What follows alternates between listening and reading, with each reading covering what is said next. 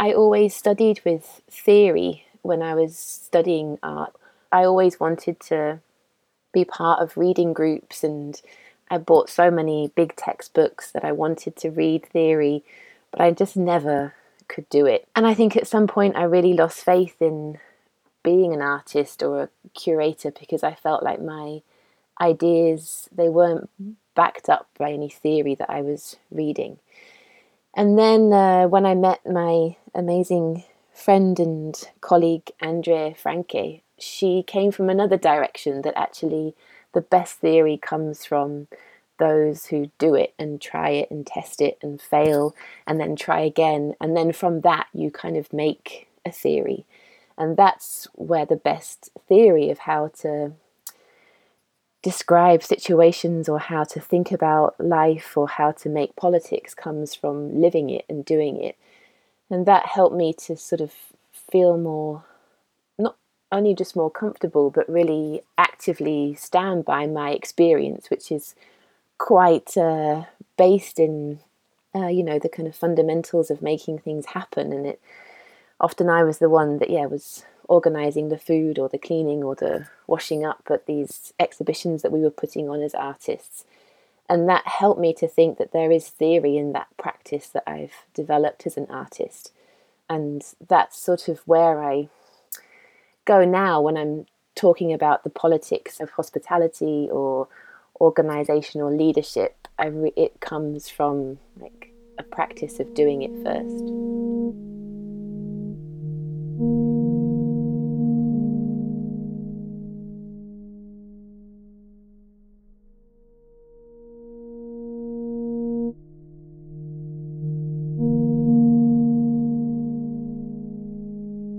2010, unable to find spaces to show their work in London, Eva Rowson and her partner Luke started organizing exhibitions in their flat at 38B Peckham Rye.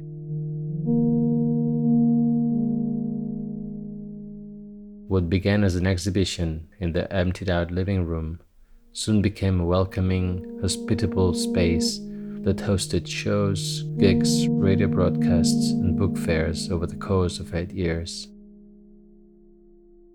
Since then, Eva has been bringing some of that caring and inclusive ethos to cultural institutions such as the Lighthouse in Brighton, Bergen Kunsthall, and Bergen Kjøtt in Norway.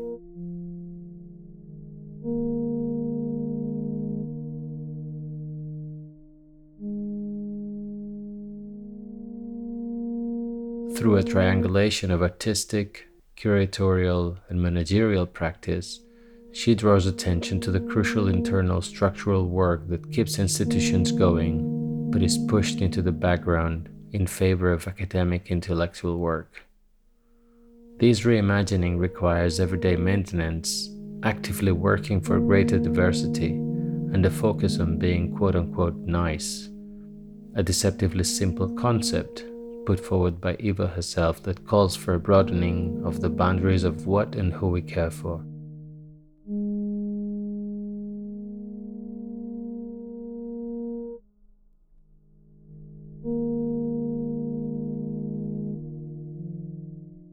By drawing attention to unnoticed yet fundamental aspects, while carefully looking at the specifics of how organizations work, Eva stubbornly challenges theory through her down to earth hospitality practices in order to enable possible new worlds in which to find strength.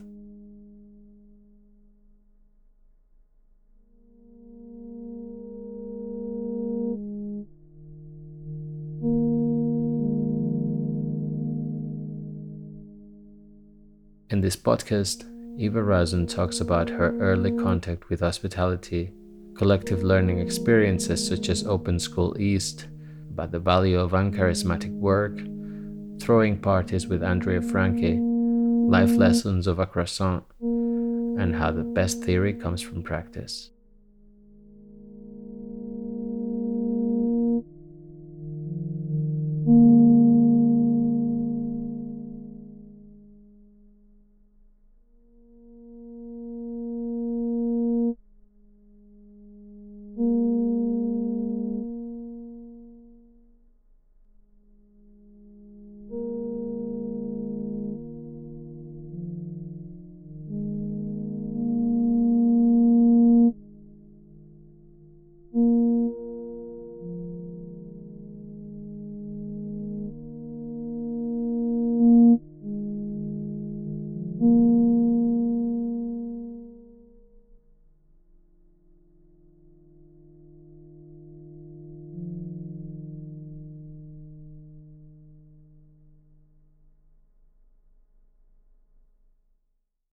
Institutional critique, uh, like the concept of institutional critique and rethinking institutions and radical hospitality um, became uh, sort of big or hot topics in contemporary art and curatorial practice at the time when I was also working as an administrator and event host and exhibition host. So it sort of came at the time when I was also doing all the like groundwork and uh, to make these symposiums happen where people would then on stage talk about how uh, we can change institutions and change infrastructure to be more hospitable and open and welcoming. And um, at some point, I just became fascinated that while sort of sitting and listening to these academics talk about yeah radical hospitality and institutional change everything still was happening in the same way. So the audience was still sitting in the same way in hard seats facing the front. Like uh, the audience still looked the same. There was no thought about uh, how people could engage with what they were talking about on stage. There was no thought about who was doing the preparation before or after these seminars about how to change institutions. And i think at that point i had this really sort of strong reaction to these uh, gestures and thinking and theory of institutional critique that just completely failed to think about the actual infrastructure and and uh, how change could be made. And and it it is in these small places that are that where change is possible. And I find it really fascinating that uh, often uh, curators and theorists and academics they are proposing a theory of how to think about institutions differently. And especially, I come back to this radical hospitality because that was sort of the topic that everyone was talking about. Suddenly, there were books about hospitality, and institutions were doing whole seminars. And I worked on a whole huge conference about infrastructure of radical hospitality. But there was nothing radical about it. I mean, uh, that's where I started to form this politics that the radical potential is not in the theory on stage, but it's in how the work is accredited or it's in how the cleaners are getting paid. It's in how the room is set up so that people who may have never been able to be in that conference before because of physical or neurological diversity or different needs can actually access this uh, information and these programs when I was working at um, Bergen Kunsthalle, and I use this as an example because that's where, at the time, it was also sort of coinciding with theory about radical hospitality. But at that time, only the permanent full time staff were listed in the exhibition credits.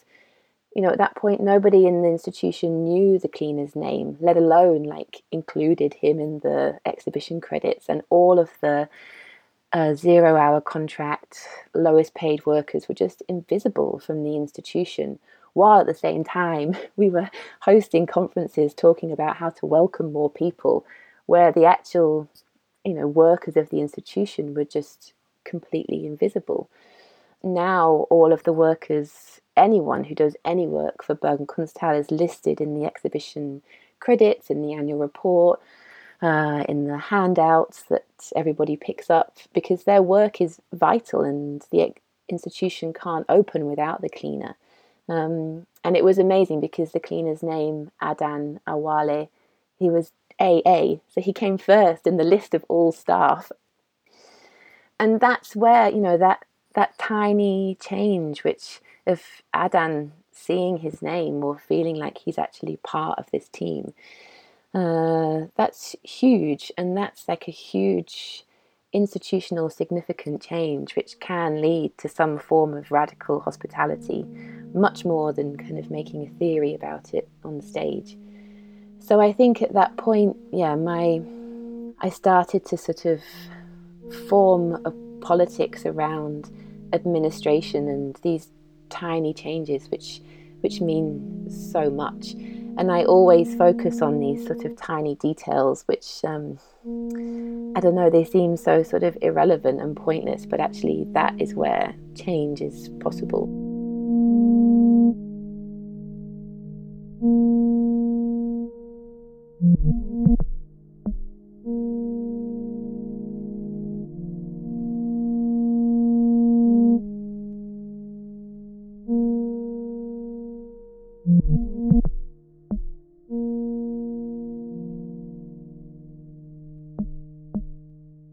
Started to find more um, sort of confidence in these small changes because I started to see the difference that they make, and um, also the difference that it makes if uh, if uh, the chairs are arranged in a way that it doesn't feel awkward if someone has to leave the room halfway through. Uh, that if the room is not set up in a kind of normal way, it actually makes it more possible for people to stay there and these kind of normal ways of organizing and delivering information and making theory like they exclude so many people and they exclude so many possibilities for real hospitality and collaboration. And and that's where this question of who's doing the washing up came from. It's like while you're all talking about radical hospitality like who's doing the washing up? Do you know? Like do you care how much are those people getting paid compared to how much you're getting paid to talk about the theory of washing up and uh, radical hospitality, where actually you've got no idea uh, who's doing it or how it's happening. So it's like, what hope have we got of changing the world's infrastructure if uh, no one is paying attention to the foundations of how it's actually operating? Yeah, and that took me a lot into science fiction, which I sort of use as a tool when I'm teaching collaboration and thinking about institutional practice. And, you know, going back to the writing of Octavia Butler, who's an amazing writer, but also writing from the position of, a, of being a, a black woman raised by a single mother who was having to do a lot of cleaning jobs and um, maintenance work to provide for Octavia and her to have a good life. And what's so fascinating about her writing is that uh, she's always thinking about how so much science fiction and so much thinking about the future is kind of built on what we already know, or it's like more of the same, or it's like the future and future development is imagined as just what we're doing now, but like bigger or better or more taking over the world. And in her writing, it's so inspiring because she's she's really going back to how you know once we've imagined this new world who is running it and who is caring for it and who is being paid to look after it like how are we maintaining this future utopia that we've dreamt of um, like you know after the after we've imagined this new institution and we've critiqued it and we've like theorized it like who is actually maintaining it and who is caring for it and who's continuing to show up every day before public hours to clean it. So octavia has this amazing way of like proposing that the future has to be different. And if we're going to imagine new worlds they have to really be imagined differently. And it's it's not enough to just think that what we'll do in the future will just be more of the same. Like it has to, it has to be different.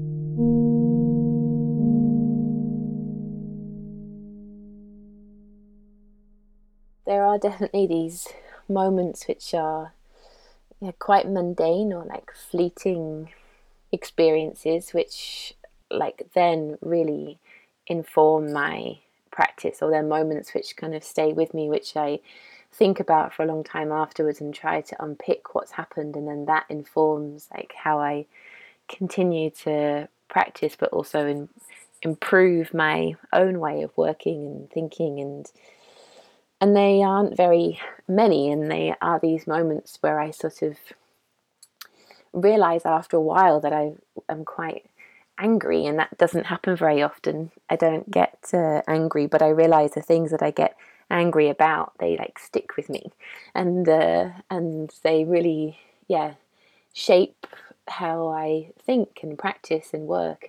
And this one in particular that uh, Sonia Fernandez Pan describes as the croissant experiment happened years ago when I was working as a like a project assistant on a big curatorial program. And in that moment between lunch and dinner where no food is available and we'd finished like I don't know like a huge four hour long meeting and everyone was hungry and in the hotel there were leftover croissants and cakes from the breakfast buffet that they had that you could take for free.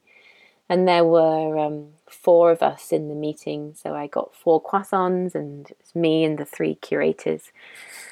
And then when I went to the bathroom and then came back, the four croissants had gone, and the three curators had eaten the four croissants.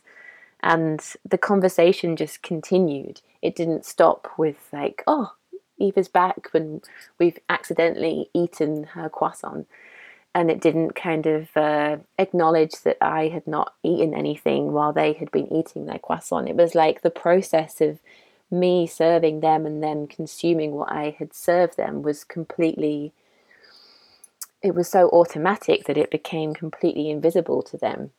It was just this kind of moment where it was very clear that my act of like serving and feeding them had just gone completely unnoticed to the point where at some point one of them must have eaten two croissants or they must have cut up the croissant into three.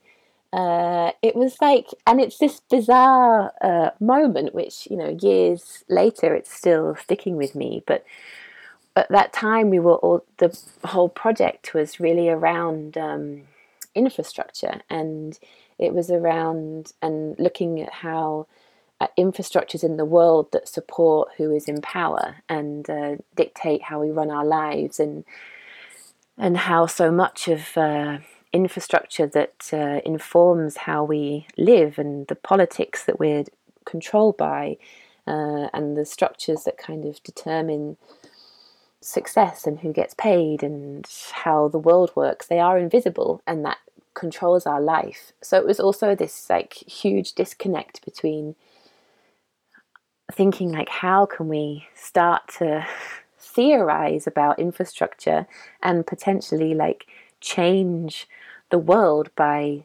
uh, making this infrastructure visible and then disrupting it and theorizing it and making new theory about it while at the same time you haven't noticed that you've eaten someone else's croissant and it was again this huge scale disconnect of what's happening up here in this theory in the clouds of wanting to talk about the world's infrastructure and how it controls our life.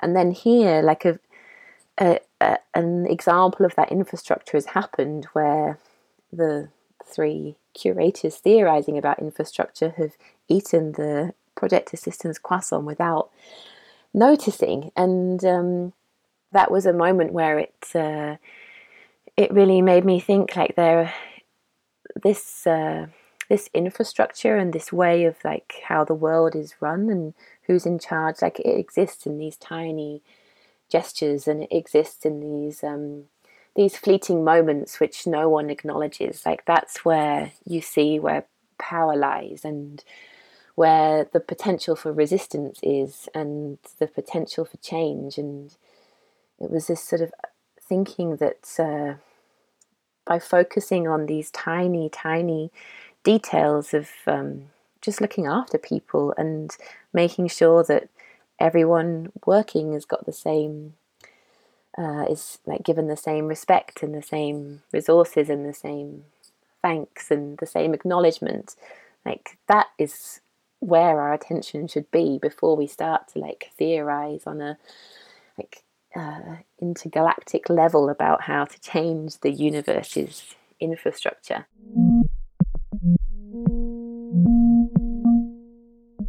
a lot of the work that I've done with Andrea Francke and Ross Jardine has been around maintenance and um, this mundane work which keeps the world working. And it's when it goes wrong, then you notice it. Like when suddenly the cleaners haven't arrived, you notice that the building hasn't been cleaned. Like Ross always uses the example of when there is a bump in the road, like you notice that the road has not been maintained.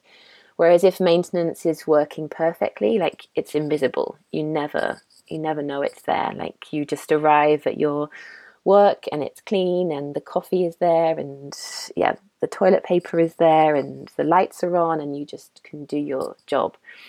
And uh, yeah, Ross and Andrea have done a lot of like much more extensive work around maintenance and how it's also a way of completely disrupting this idea of like the theoretical genius who's able to kind of theorize about the world and uh, and uh, call to account how things happen in the world and write these uh, long intense essays while never actually acknowledging like how his coffee arrives on his desk or who is cleaning for him. And that links back to a lot of the work that you know Silvia Federici did for Wages for Housework that you know this maintenance work is crucial and it's what keeps the world working, but it's hugely undervalued and invisible, um, but it's also completely vital to everything we we do. When I was in Barcelona, it's just making me think now when I visited um, uh, Tapies Foundation and uh, Raquel Friera. She's an artist and she'd done this incredible work where she had gone into the archives of um, some of the major exhibitions that they've done and she'd found the exhibition installation schedules where it's like 9 a.m., the crates arrive, 10 a.m., the technicians arrive, 11 a.m., like gallery one starts to be installed.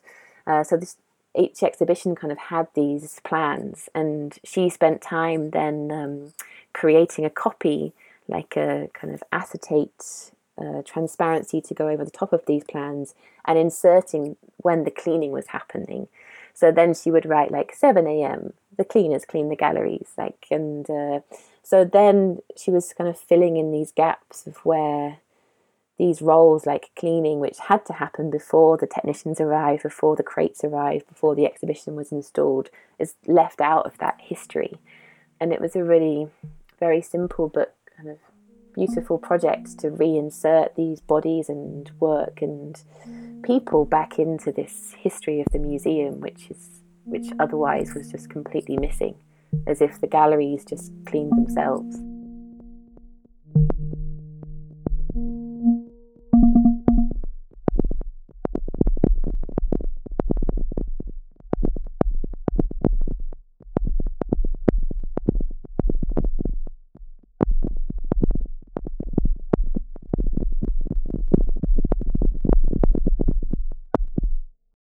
Because I started as an artist as and studying fine art, and then slowly uh, through needing to exhibit work and um, find ways to show my work as an artist, then I was involved in creating those opportunities with others to create exhibitions in any spaces we could find uh, in Leeds where I was studying. Then my artistic practice kind of merged into practice that involved marketing and making a poster and making a budget and collaborating. And then at some point, that sort of meant that then I was um, applying for curatorial jobs, which were kind of, uh, they were called curatorial or curator, but it was really just what I'd always been doing, like making things happen and making opportunities happen and working with artists. Um, and then I've always been interested in the management and business side and how do we actually make these things happen? And behind the curatorial exhibition art there's always these decisions of budgets and funding and uh, staffing that in, influence those. So i think yeah some people have called me like an artist organizer or um, like a yeah curatorial manager or artist, curator, organizer. And I always sort of put myself between those three things. And even now, when I'm in this role, which is as a managing director, for me, it's still like an ongoing creative practice. And I try to really think about making the most of every decision and how the administration part of my job can be as creative and as political as the artistic and curatorial parts.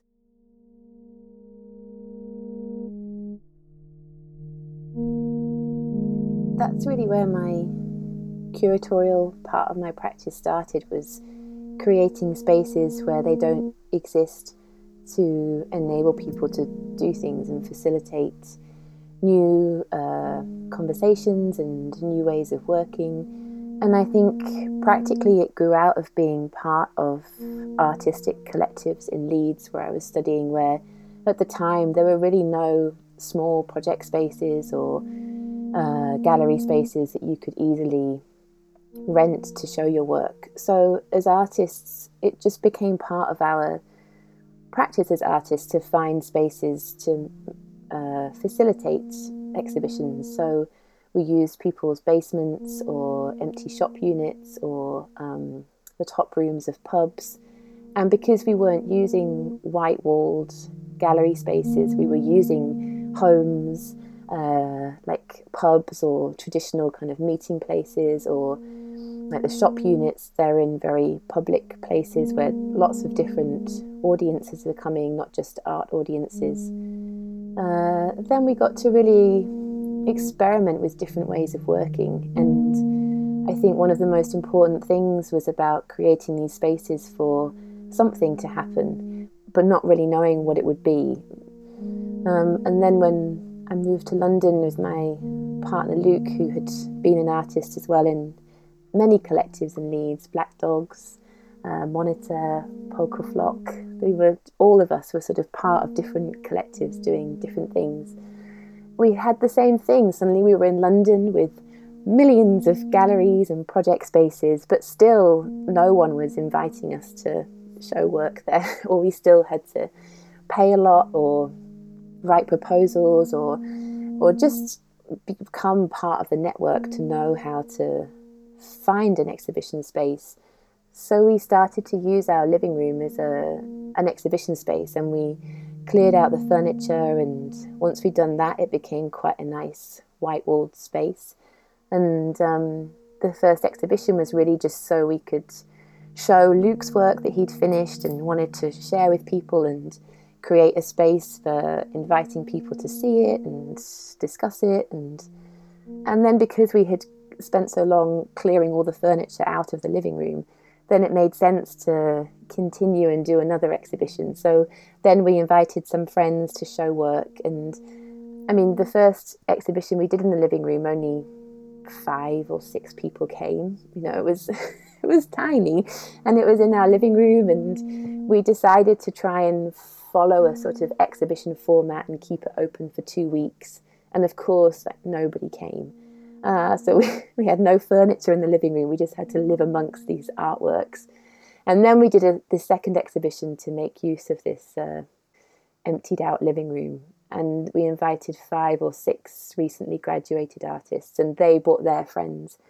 So then suddenly 30 people came, and then it just continued from there. And for eight years, we used our living room as a exhibition space, project space a tiny concert space, but it was always about facilitating a place where people could show their work and meet each other and um, uh, have conversations and something always sparked and by the end of the eight years sometimes two or three hundred people were coming through the living room over a weekend to see the exhibition so it became like this real meeting place for people and that's continued now.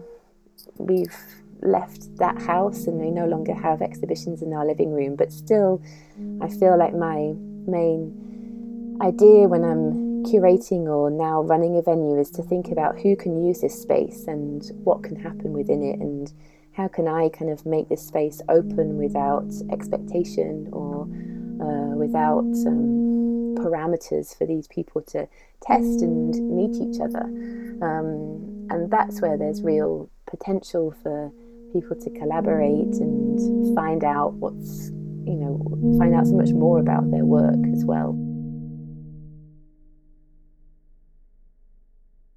Those spaces, they, they get lost more and more the more sort of pressure there is on funding to show that there is an outcome to something or the more pressure there is from time. You know you have to kind of prove that what you're doing is worthwhile and often that is uh, shown in like images of an exhibition or audience numbers and and I really think creating these spaces to test things and try things out they're so vital and maybe you'll never know what comes from it but uh, something will happen uh, when I was in Barcelona Nyam Nyam, the amazing collective that organised from their kitchen, was something that they were really um, championing as well. That in their kitchen they would host workshops or conversations or projects that never had any like tangible, hardly had any tangible, visible, beautiful outcomes.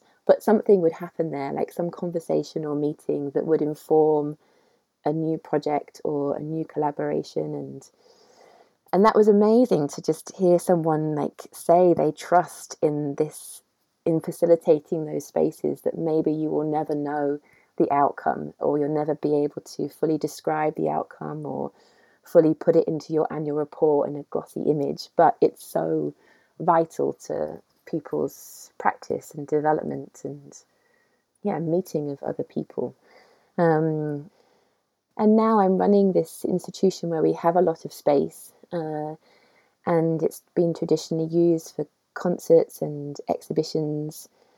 And I really now try to sort of make it as open as possible for groups that have never really found that they have a place in the cultural scene here because they're marginalized in many ways um, because of, yeah, their identity, their gender, sexuality, we were because of where they've come from uh, because of their income or even just their access to culture um, and how you get into these networks and know how to get yourself an exhibition.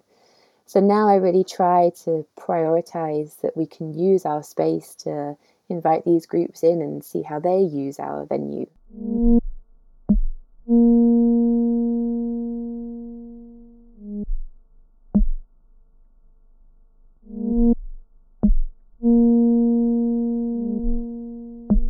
I also like you know champion the fact that uh, these that work that it takes to create um, safe, welcoming spaces. It that is where theory um, can come from. It's you know it's incredible knowledge, and it also um, goes back to childcare and housekeeping and maintenance, like all of this work, which is for so long considered as like invaluable labor or replaceable labor, but it's so vital. And I remember once um, in an institution that I worked with, uh, we were talking about how to credit people in the institution and how to list our roles, like uh, you know, Eva, curator so and so director. And somebody asked you know isn't it embarrassing for the cleaner to have cleaner after his name?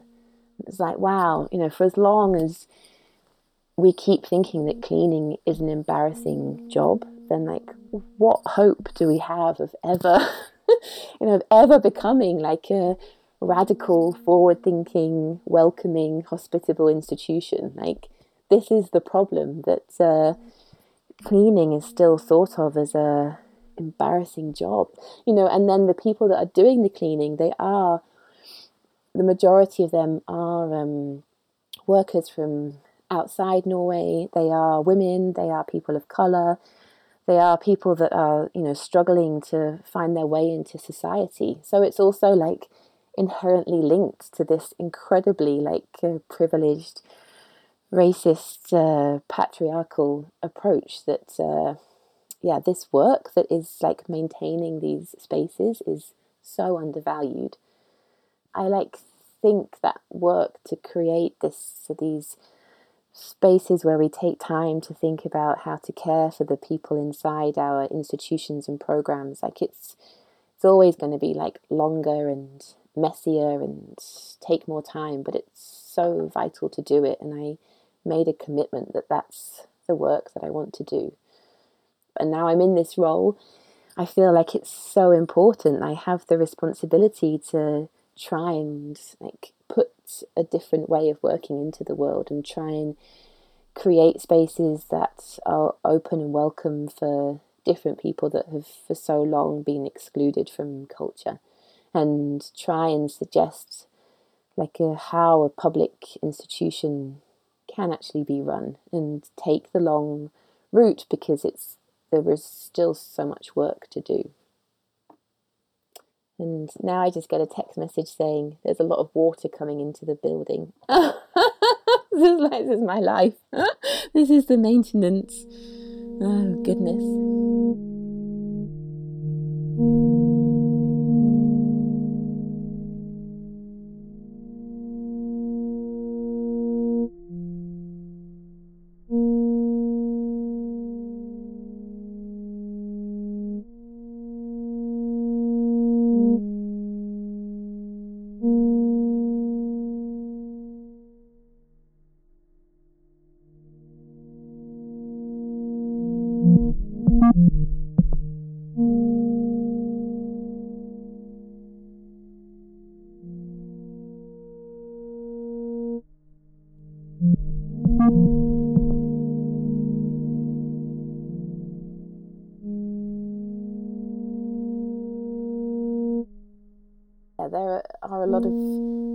I've learned from doing those exhibitions and organizing parties.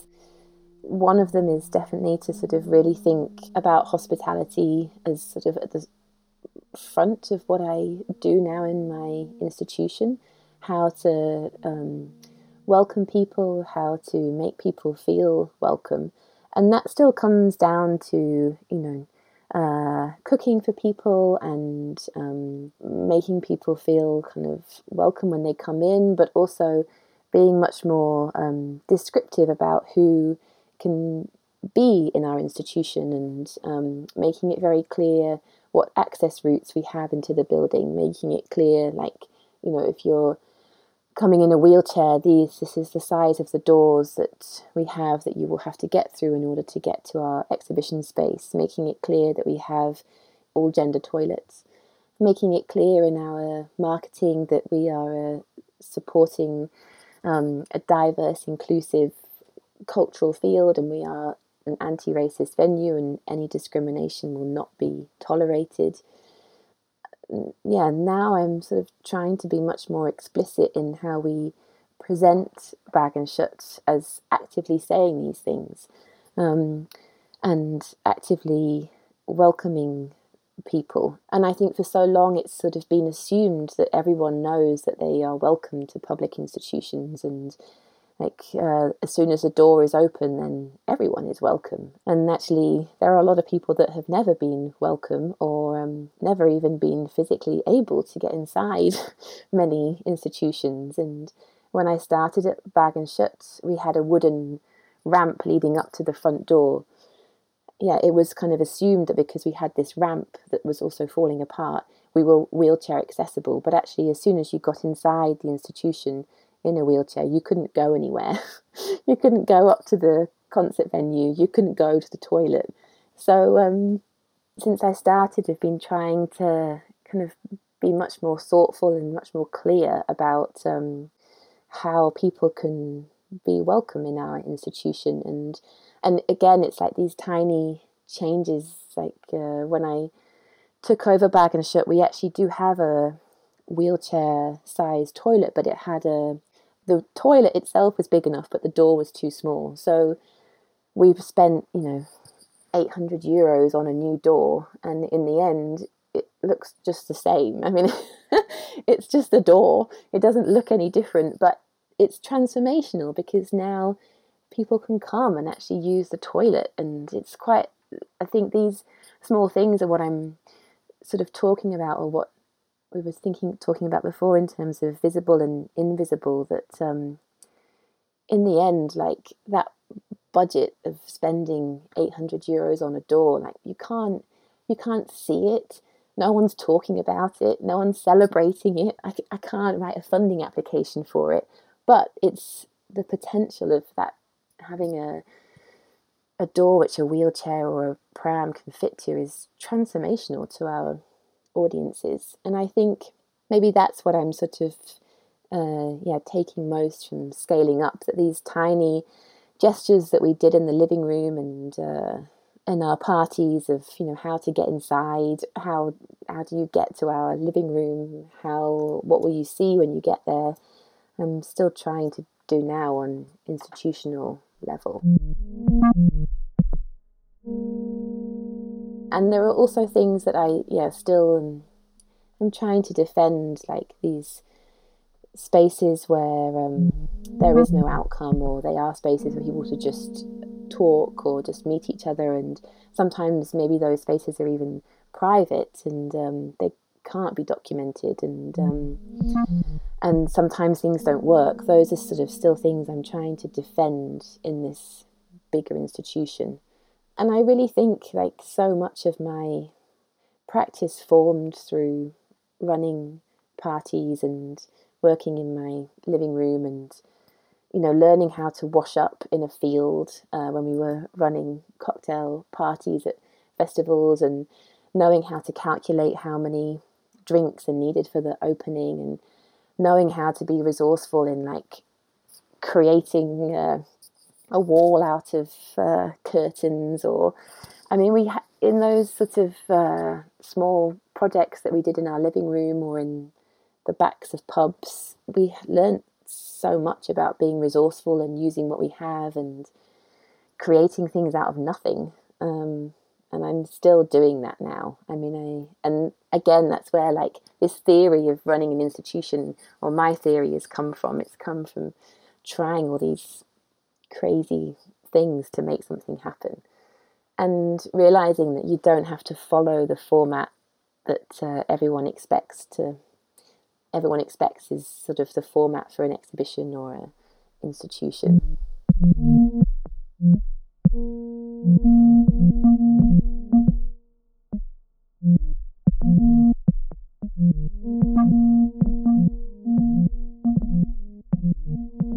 With the the training ground now that uh, we've set up at Bergen Kjøtt, it, the idea was to create a um, a safe space for learning and to create a space for learning sound engineering that doesn't exist in the city. And in my experience working as a curator and organizer with music, like in Norway, my I'm I'm only ever working with white cis male sound technicians. Most of them are incredibly wonderful and supportive and great colleagues, but it's also uh, it has left, uh, it has led to some yeah difficulties when we're working with groups, for example, like Transgender Awareness Week, where everybody in the room is coming with their transgender experience, and then there is a person behind the sound desk or who's you know giving a microphone to these people that have never expressed their story before that doesn't have that shared experience. Um, so the idea with the training ground was to try is it's happening now. It's to try and um, empower more women non-binary transgender people to get to grips with the tools of sound engineering and be able to be that technical team which they wish they had um, when they're performing on stage or organizing events and the statistics in norway i'm sure it's very similar in other countries is that yeah, 93% of sound engineers working are white cis men. And it's a, I mean, that's a huge statistic. And the last few years in Norway, particularly, the focus has very much been on diversity on stage, and festivals have been celebrating the fact that they have reached a 50 50 gender balance. Um, and I started to kind of question a lot uh, when I was taking part in conferences or talks in these festivals who, you know, are achieving 50 50 women 50% women on stage it's like what what happens with um, people that don't fit into those binaries of female or male like what happens if uh, you know a woman is coming and um, she's in a wheelchair? Like there are a lot of venues and stages in bergen that she can't access. Like why are the 50% of women on stage all white? So there's also this uh, it was very kind of surface level, this like achievement of getting to a, a balance, which actually didn't take into account the other intersections of discrimination and and it didn't at all address the fact that while this diversity focus is happening on stage, you know, off stage, it's hugely male dominated. And it's also very difficult to know how to get into these roles because freelance sound engineers are often they've developed their skill and their confidence through doing the job and knowing somebody who hires them and then they, they get hired again and so you really see these circles that uh, exclude other people from being able to access it there is no formal sound engineering education you can go to in Bergen and there are some workshops or training programs, but then once you stop, you're kind of back in the same position of it's who you know depend that determines how you get a job.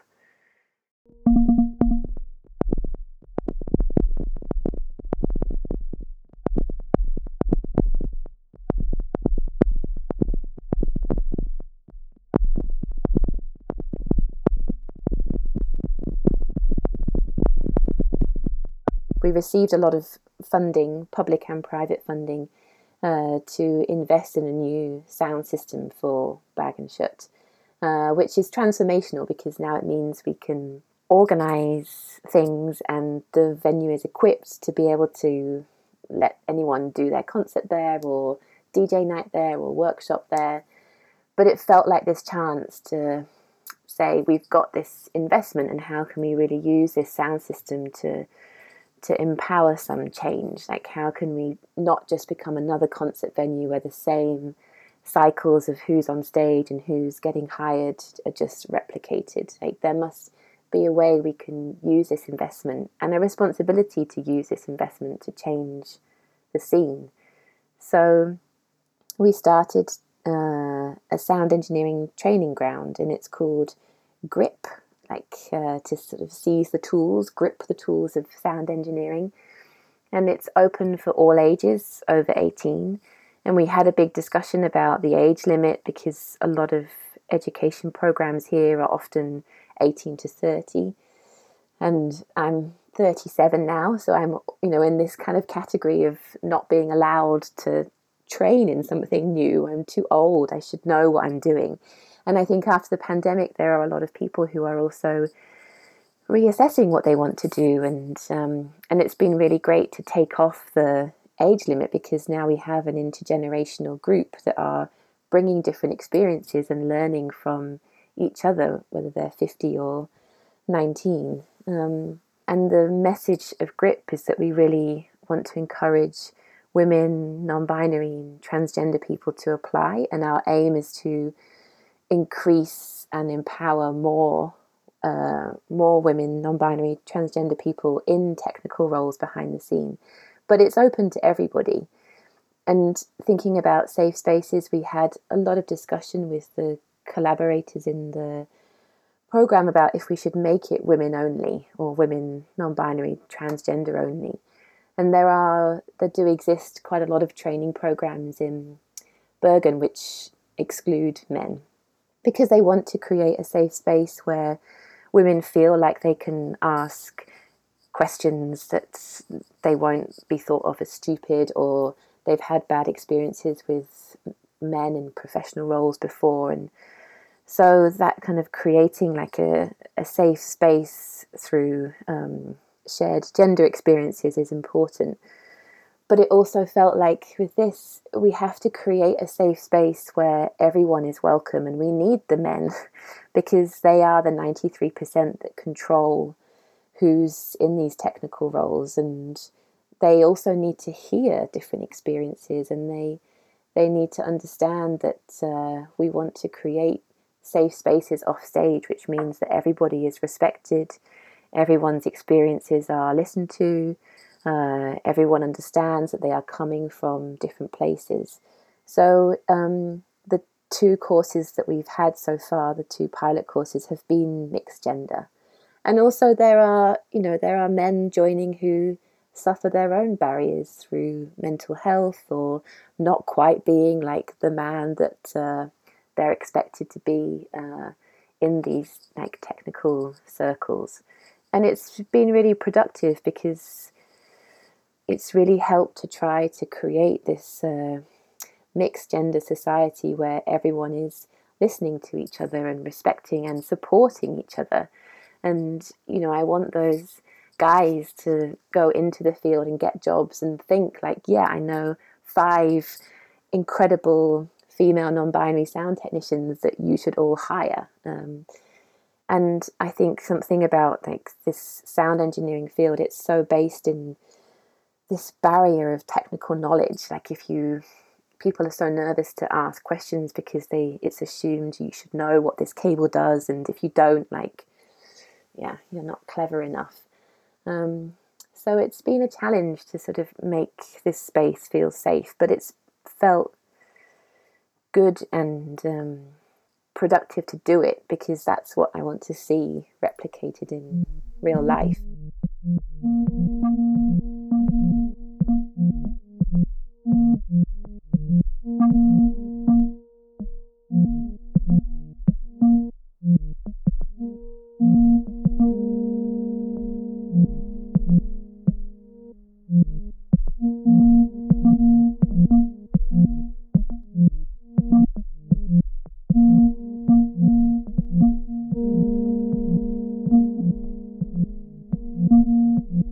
When I started at Open School East, which was a new um, a new art school that was set up at the time when the prices for masters programs in the UK suddenly could just you, they could uh, cost whatever the institution wanted. So suddenly it was like twenty thousand euros to do a masters program.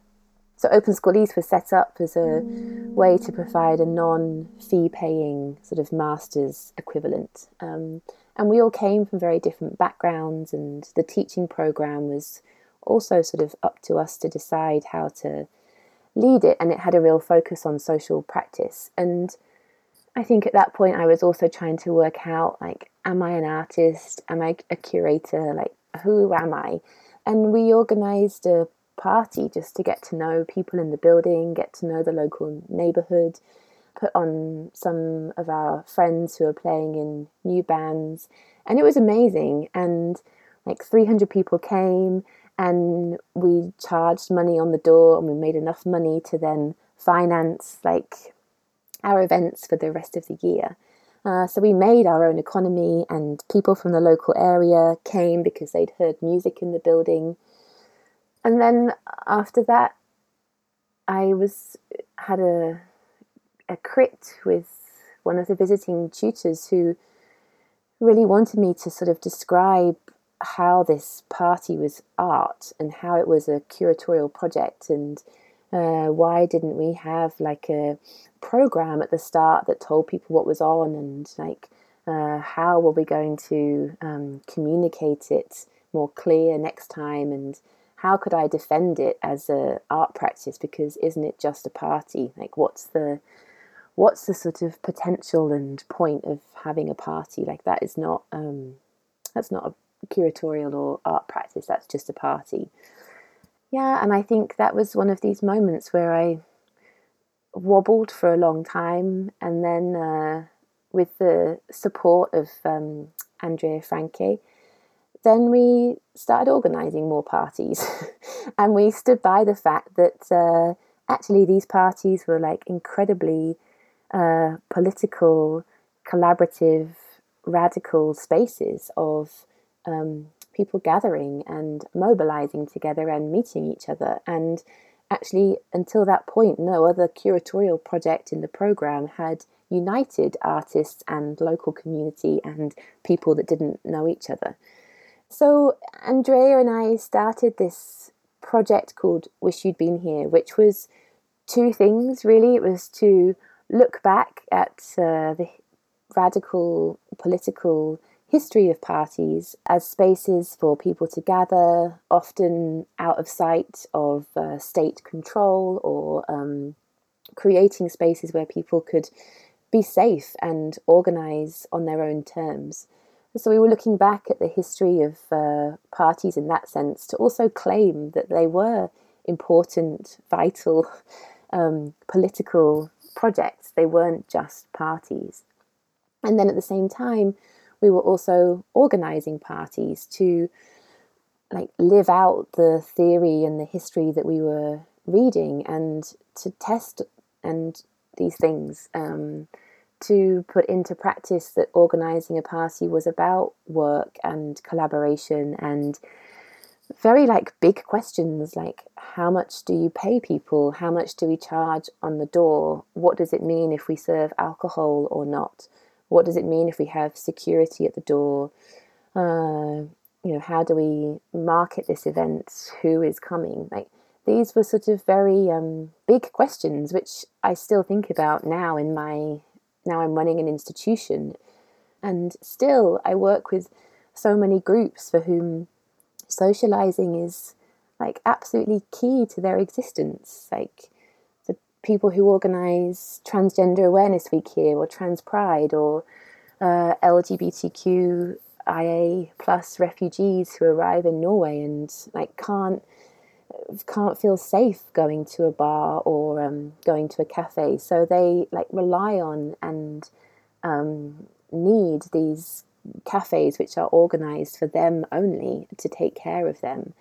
Um, and you know these and for the young DJs that I work with who don't drink and are women of colour who live outside Bergen, for whom it's it's incredibly difficult for them to DJ and practice because all of Bergen's nightclubs are alcohol fueled and full of people who then you know travel home at 3 a.m. and that train ride becomes very violent and very um, distressing and scary for those young women. So like actually creating an alcohol free party for those young DJs, like that's that's radical. Like that's necessary. That is where like life can happen. That's where those DJs can learn and create space on their own terms. And this idea of wish you'd been here was also that, you know, these parties, you can't really document them. I mean, you can take photos, but you can't really capture what happened. Uh, so it's also they they are kind of resistant to being planned. You can't plan a a party that becomes something else, and it becomes incredibly boring. Um, and uh, you know, but you can facilitate these spaces for people to feel safe and comfortable and able to be themselves. And we looked back also to sort of you know clubs like the Paradise Garage in New York in the 1970s that, you know, really created this space for um, the kind of, yeah, Hispanic, Black, uh, queer community at that time to to create their own world, to create their own utopia in in a city which wasn't made for them. Um, and it enabled them to create a space on their own terms where they could decide exactly about opening hours, invitations, music, food, alcohol or not, drugs or not. Like, and now at Bergen Kjøtt, I'm working with a lot of different collectives who are still, yeah, organizing parties on their own terms. And I think a bit like I was saying before with institutions, public institutions, as soon as they open their doors, they assume they are safe, welcoming spaces. It's the same with nightclubs like just because they're open doesn't mean they are they're welcoming or for everybody and and now the parties at Bergen Kjøtt they they allow people to yeah create those spaces and those worlds that they want to see and see queer black DJs on the decks that you don't see anywhere else and create those role models um, for people to feel like they can also do that. The other moment, I guess, that's uh, informed a lot of my thinking about acknowledgements and crediting and um, the act of like uh, crediting people as being like a very definite feminist practice. And when I was studying at Open School East with Andrea, I can't really remember how we came to it, but we bumped into. Um, Andrea always uses this phrase like bumping into things, which I really like. We bumped into food, which is a was a restaurant which ran in uh, New York for four years, and uh, we were reading a lot of texts around food because there's a example of a organization which was run as a social space for artists and as a kind of mini utopia. Um, it was a really fascinating example of hospitality in practice and. Uh, food was set up not only to create a social space for artists at that time in New York in the 70s, but also as a way where artists could make their own work schedules and they could work at random times that fitted around their art schedule, or they could go on tour for a month as a dancer and then come back and pick up another job. And because of that, it meant that everybody uh, who was involved in food, their work was valued the same. So one month somebody might be washing up, the next month they might be coming back to cook. And uh, you know like cleaning the toilet was as important as getting the groceries from the market as being like the charisma of the restaurant to make sure that people came. And so food kind of existed as this um, yeah this world they wanted to create where they could support each other with income but also with a place to meet each other. And um, what's really fascinating about food is they also spent a long time crediting what the time they were running, crediting and acknowledging everybody that was involved and um, making sure that it wasn't just the front of house staff that were acknowledged, but you know when they talked about food, they mentioned everybody by name, whether they had dropped in one night to wash up when they were particularly busy, or whether they just came to eat, eat in the restaurant and chose that restaurant as somewhere they would invest their money in buying the food. So it really existed on this um, very like definite uh, intention of acknowledging everyone's work. And uh, when Andrea and I were reading this text, then uh, I remember one um, theorist, curator, archivist, you know, so somebody in charge of like how uh, knowledge is org- organized in an archive and um, what stories get kind of held in that archive and how they get repeated. Then he said he referred to food as Gordon Matta Clark's project, um, and you know, and Gordon Matta Clark was one of the founding members of Food alongside four other women, and it was his partner Carol Goodden who had invested her uh, inheritance in food, and it was her idea to set it up. And Gordon was one of five people that was there at the start, but it wasn't his project. Um, and that was another moment where it was like, it's not his project. it belongs to everyone who was there, and if anyone is going to be credited, it needs to be Carol Goodden who put her money into it and was Gordon's partner at the time, but it was her project. And then I started to notice that the more the focus in the art world on hospitality, food also kind of came back into a lot of um, yeah conferences and books and exhibitions because it's such a great example of artists and socializing and hospitality.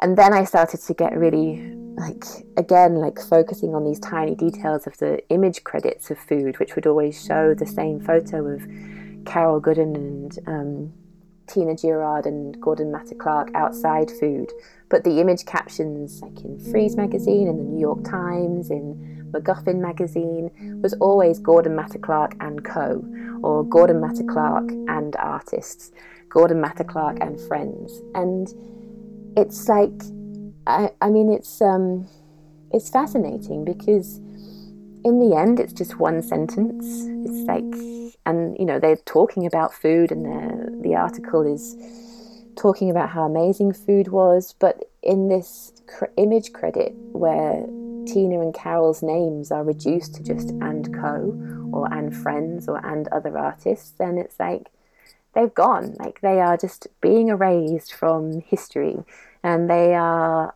not given any chance to stick to our mind. So then we keep associating this food project with Gordon Matta Clark because we only ever see his name connected to it. So then it just completely undoes the whole point of food and their whole politics, which was to acknowledge and credit everybody involved by reducing it to this idea of it being Gordon Matta Clark's project.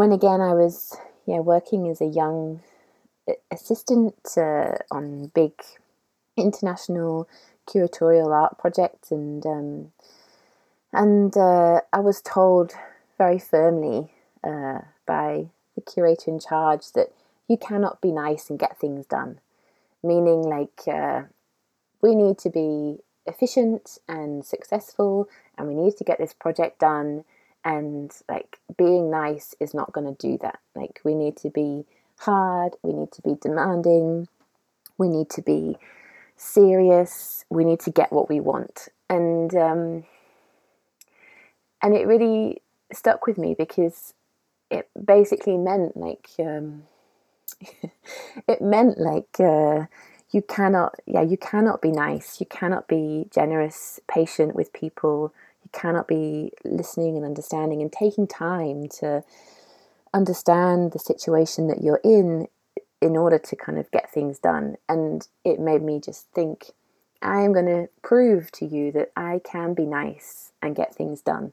Like, and that's kind of um, stayed with me as like a uh, like a manifesto that I will be nice and get things done. And then um, I started to really think about like what is this being nice? Uh, being nice was being associated with like being too polite to ask something direct, or being too nice that uh, I will just lie down and people will walk over me, or I'm being so nice that I won't uh, stand up for myself.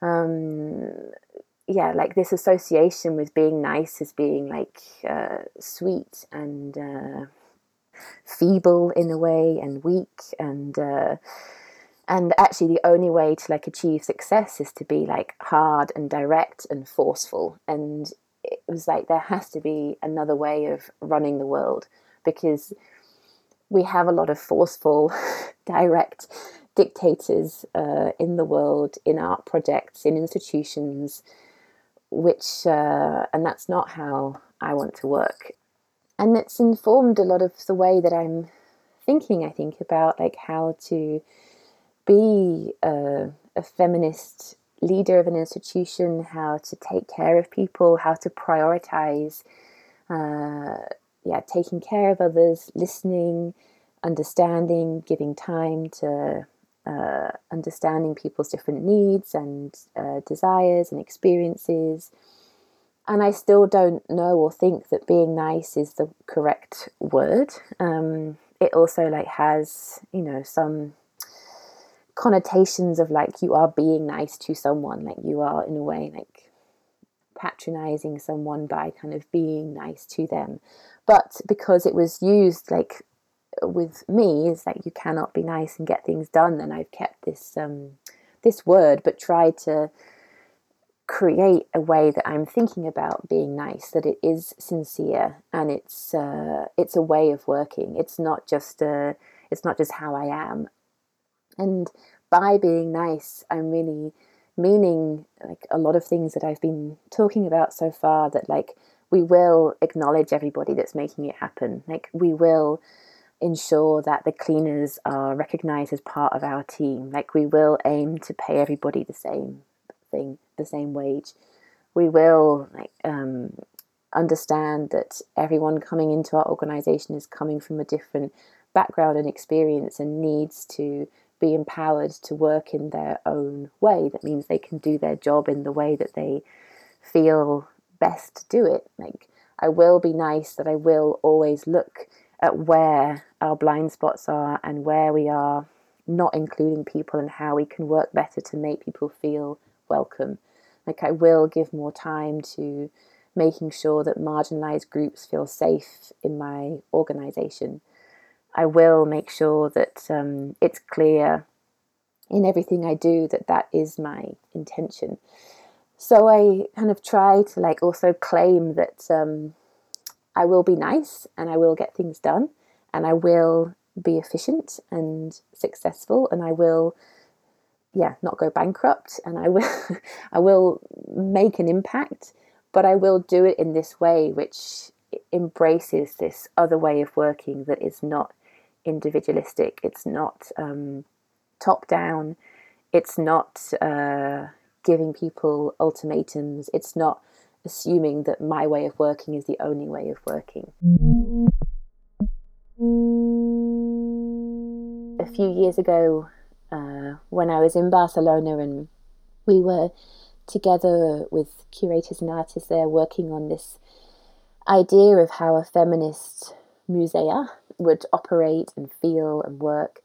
We came across the carrier bag theory by Ursula K. Le Guin, and it's a short essay that she wrote in 1985 proposing um, that for years and years, for as long as history, we have heard the story about the sticks and the things that prod and conquer the hard, like sharp objects which are, um, yeah, pushing themselves into someone else's space and running the world by wielding these sharp, direct objects.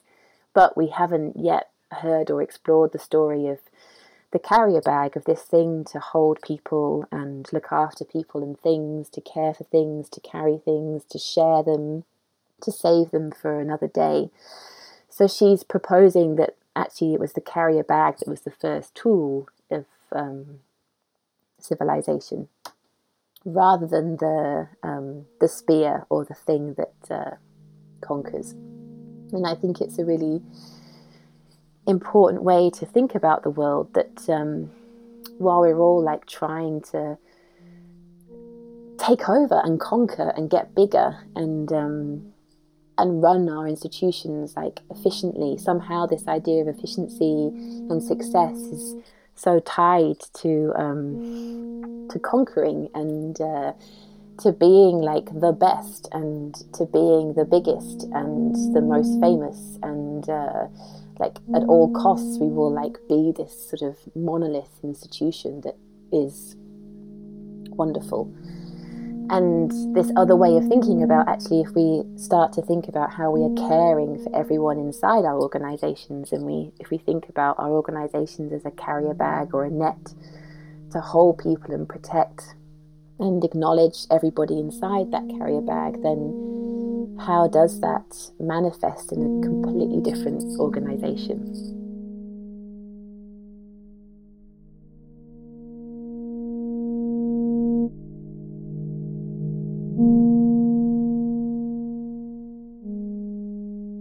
once the revolution has happened, it has to be maintained. Like people, um, the change has to be supported, and this uh, new world that we've created through the revolution, like it has to be run and operated. So, just because we revolutionize the world, it doesn't mean that we get rid of the maintenance which keeps it running. It's like it's uh, it's there and it's important and it's it's vital and. Um, but it's also slow and it's uh, it's invisible and it takes a long time and it's not easy to kind of pinpoint exactly what this maintenance is, but it's um, it's keeping things going and it's connected to cleaning and cooking and looking after people. And a lot of the most amazing stories that I've written about revolutions have been the kind of backstories of providing spaces for people to meet and um, come together, socialize, and while at the same time, like planning for their revolution. Hugely important, radical spaces, but they are also very hard to quantify, and they're also uh, kind of disappear when you hear the person on stage giving the speech for the revolution. That kind of behind the scenes work, it stays there. And um, the revolution can't happen without it, but it's also very intangible and very invisible.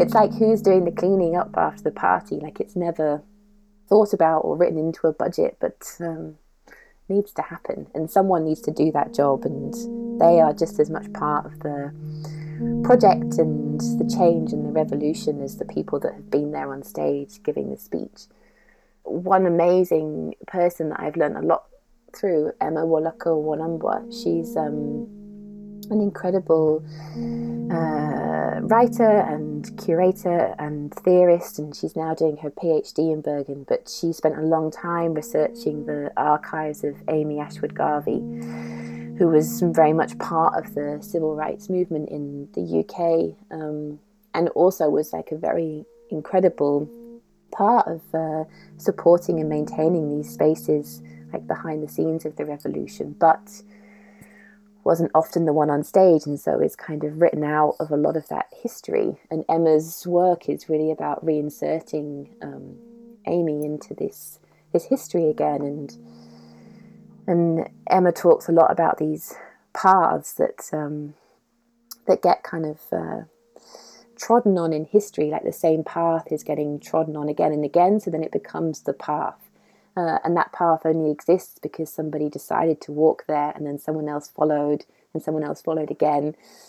And Emma's, it's a really nice example of uh, thinking about the work that we do now has an impact on how somebody else does that work and how the next person does that work and how the kind of paths we follow at some point we have to stop and think like is there another path we can not only follow but inspire others to do the same. Um, but I think Emma's idea of this path is also useful to keep in mind because it's always easier to follow the path that you can see, that you know works well and gets results. But um, I'm always interested in straying off the path and hopefully creating some new paths that inspire other people to do the same. The path to follow is one which kind of keeps going and it's moving quick and institutions are constantly needing to like uh, get out uh, documentation and marketing quick and printing catalogs quick and doing exhibitions quick and it all has to happen quite fast whereas like paying attention differently and paying attention to people takes time because they're people and uh, you know they're working to their own rhythms and their own ways of working. So I think a lot of the resistance that I've had is that there's not time for this. There's not like time to expand the sound check because yeah, these are new people that are like exploring uh, a different way of like identifying or being or working for the first time. Like there is not time in the schedule, and there's often not time in the schedule for a break. I mean, breaks just don't exist so many of so much of the work that um, I'm doing is just looking at the schedule of setting up an event and like trying to insert breaks because they just don't exist, especially when you're doing like rigging, sound check, concert, end. Often it's a 12 hour day, and so many of the sound technicians, like, no wonder that, or that my sound technician now just says, like, no wonder we're like grumpy and tired, like, we never get given a break to eat. Um, but that takes time and it costs more money because you're having to kind of expand everything and um, and often they're like you know isn't an extra page in the catalog it costs money to include everybody's names in a exhibition catalog or in a print it costs money to kind of redesign uh, the vinyl lettering to make sure everyone is credited and in the end like i kind of I get a bit tired myself, even like hearing myself talk about these things because it's like, oh, you know, does it really matter? Like, should I be spending my time campaigning for a bigger vinyl lettering budget just so that the cleaner can see himself in the vinyl lettering?